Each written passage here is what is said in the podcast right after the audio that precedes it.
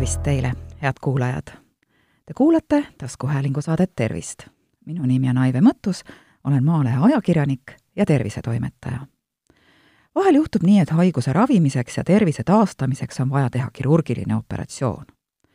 pärast seda on inimesed aga sageli nõutud, ei tea, mida teha. ja täiesti arusaadav, kui ka operatsioonihaav kõhul valutab, siis on inimese tähelepanu mujal ning haiglast kaasa antud soovitused ei jää meelde. Sestap ongi paslik seda teemat saates käsitleda. kõhukuupa operatsioonist taastumise kiirus sõltub operatsiooni laadist ja inimese eripärast. tavaliselt on inimene pärast väiksemat operatsiooni haiglaravil üks-kaks päeva, ulatuslikuma sooleoperatsiooni korral aga kulub kosumiseks üks-kaks nädalat samas mitmeid kõhukopa operatsioone on võimalik kaasajal sooritada ilma kõhuõõnt avamata. Ning seetõttu on laparoskoopilisel, nii seda nimetatakse siis, meetodil mitmeid eeliseid. väiksemad haavad ja armid ning väiksem tüsistuste risk, kiirem taastumine ja tagasihoidlikumad valuilmingud. enam levinud on laparoskoopilised sapipõie ja pimesoole operatsioonid, aga ka liidete eemaldamine näiteks tehakse ka diagnostilisi laparoskoopiaid, et kõhuõõneorganite haiguse olemusest selgust saada. Ja selleks võetakse näiteks niiviisi kudedest histoloogiliseks uuringuks tükikesi. millal ja mida operatsiooni läbi teinud inimene aga tegema võib hakata? voodis istuda võib püsti tõusta, võib kohe, kui enesetunne lubab. trombide vältimiseks peabki end liigutama. istuma, seisma jalutama. aitab ka see, kui voodis istudes või lamades teha jalaga harjutusi.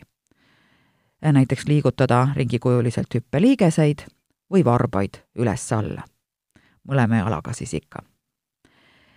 nii-öelda tavalise kõhukoopa operatsiooni korral võib voodist välja tulla ja tasakesi ringi liikuma hakata juba operatsioonipäeva õhtul, kui seisund seda lubab.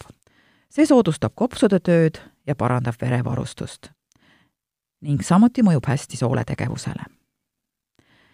Järgmistel päevadel tuleb endaga hoopis pikemalt liigutada, kuni kaheksa tundi päevas. jalutades siis väiksemaid vahemaid mitu korda päevas. haiglas küsitakse inimeselt tavaliselt, kas gaasid käivad. see on märk, et soolestik on tööle hakanud.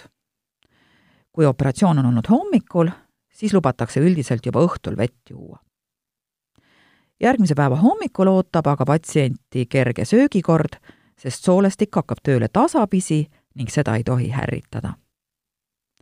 kui midagi ei sobi, annab organism sellest märku kas valu või ebamugavustundega.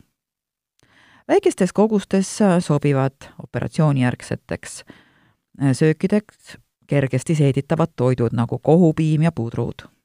vedelikku peab jooma piisavalt, kuid vältida tuleb gaasilisi jooke samuti gaase tekitavaid viinamarja, ploomi ja õunamahlasid.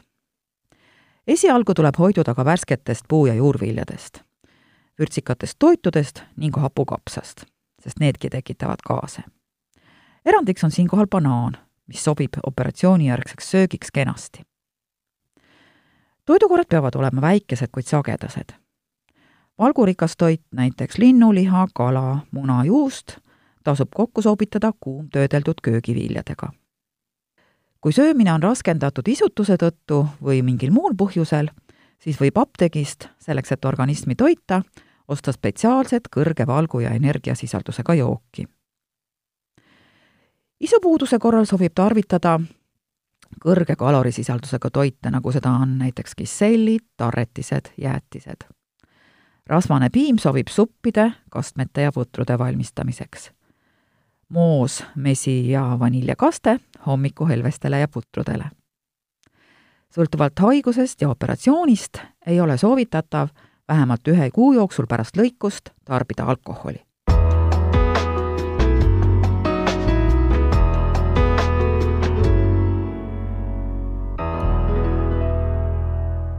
meditsiinitöötajad rõhutavad, et valu ei pea pärast operatsiooni kannatama.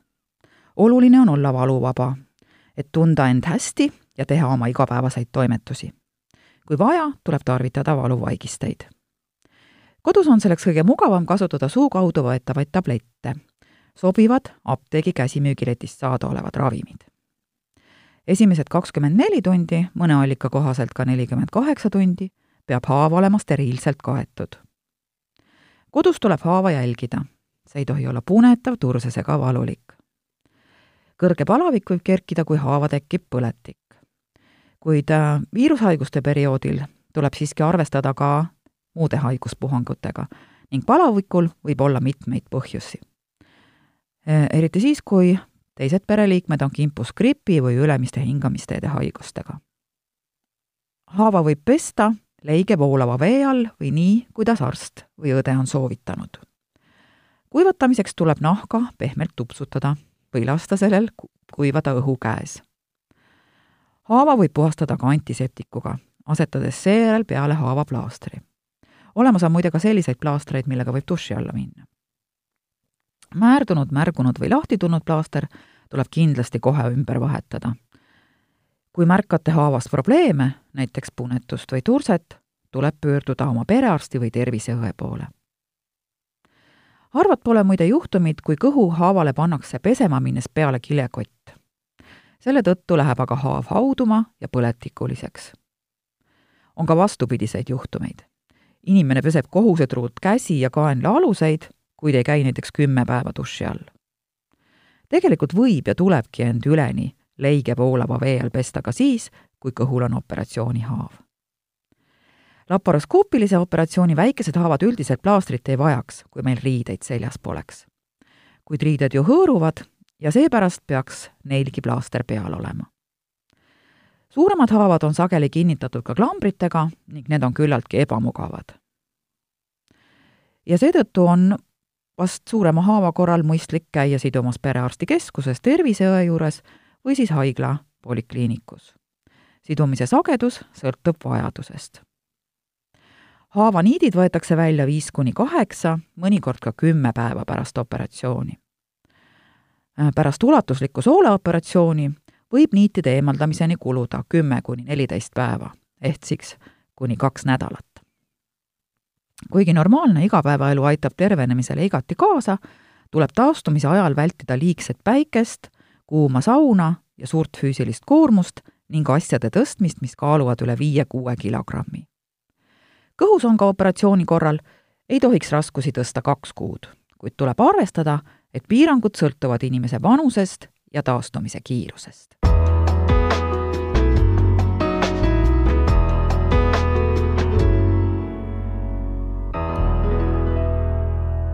kuna paljud inimesed harrastavad tervisesporti, mis on väga tore ja vajalik, on paslik meelde tuletada, et neli kuni kuus nädalat pärast operatsiooni tuleks end treeningsaalist ja raskuste tõstmisest siiski eemal hoida.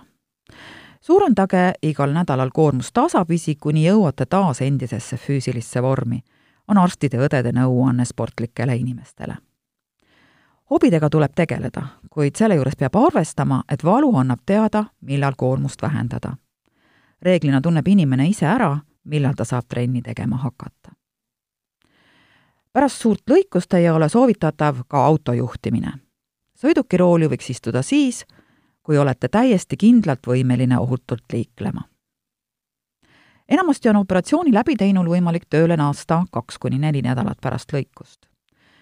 kui töö on istuv ja liigutada tuleb vaid hiirt, võib selle aja möödudes tööle minna küll füüsiliselt rasket tööd või ükskõik millist suurt pingutust ei ole tark aga teha enne kuue nädala möödumist.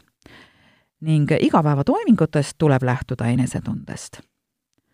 Kuidas on aga palju reklaamitud armiplaastrite ja keel-, kreemidega? kasutada neid või mitte? see on küll küsimus, milles iga inimene peab ise otsuse vastu võtma, kas neid kasutada või siis mitte. üks arst soovitab, teine ei soovita. armikreemi kasutamise mõte on selles, et see niisutab nahka, leevendab sügelust ja väldib liigliha tekkimist. Ning saate lõpetuseks mõned nõuanded asjade kohta, mis tuleks ära teha enne haiglasse kõhukoopa operatsioonile minekut. tehke ära majapidamistööd, mida pärast on raske teha.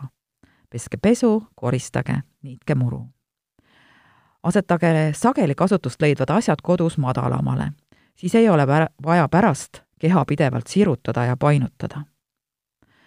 varuge koju suurem kogus söögipoolist ning eelistage kergesti seeditavaid toite. Kui teil on suur koer, kes võib jalutuskäigu ajal äkitselt ja jõuliselt rihmast tõmmata, leidke talle mõneks ajaks jalutaja. juhtige sõidukit alles siis, kui olete kindel, et suudate ennast liigutada valuvabalt.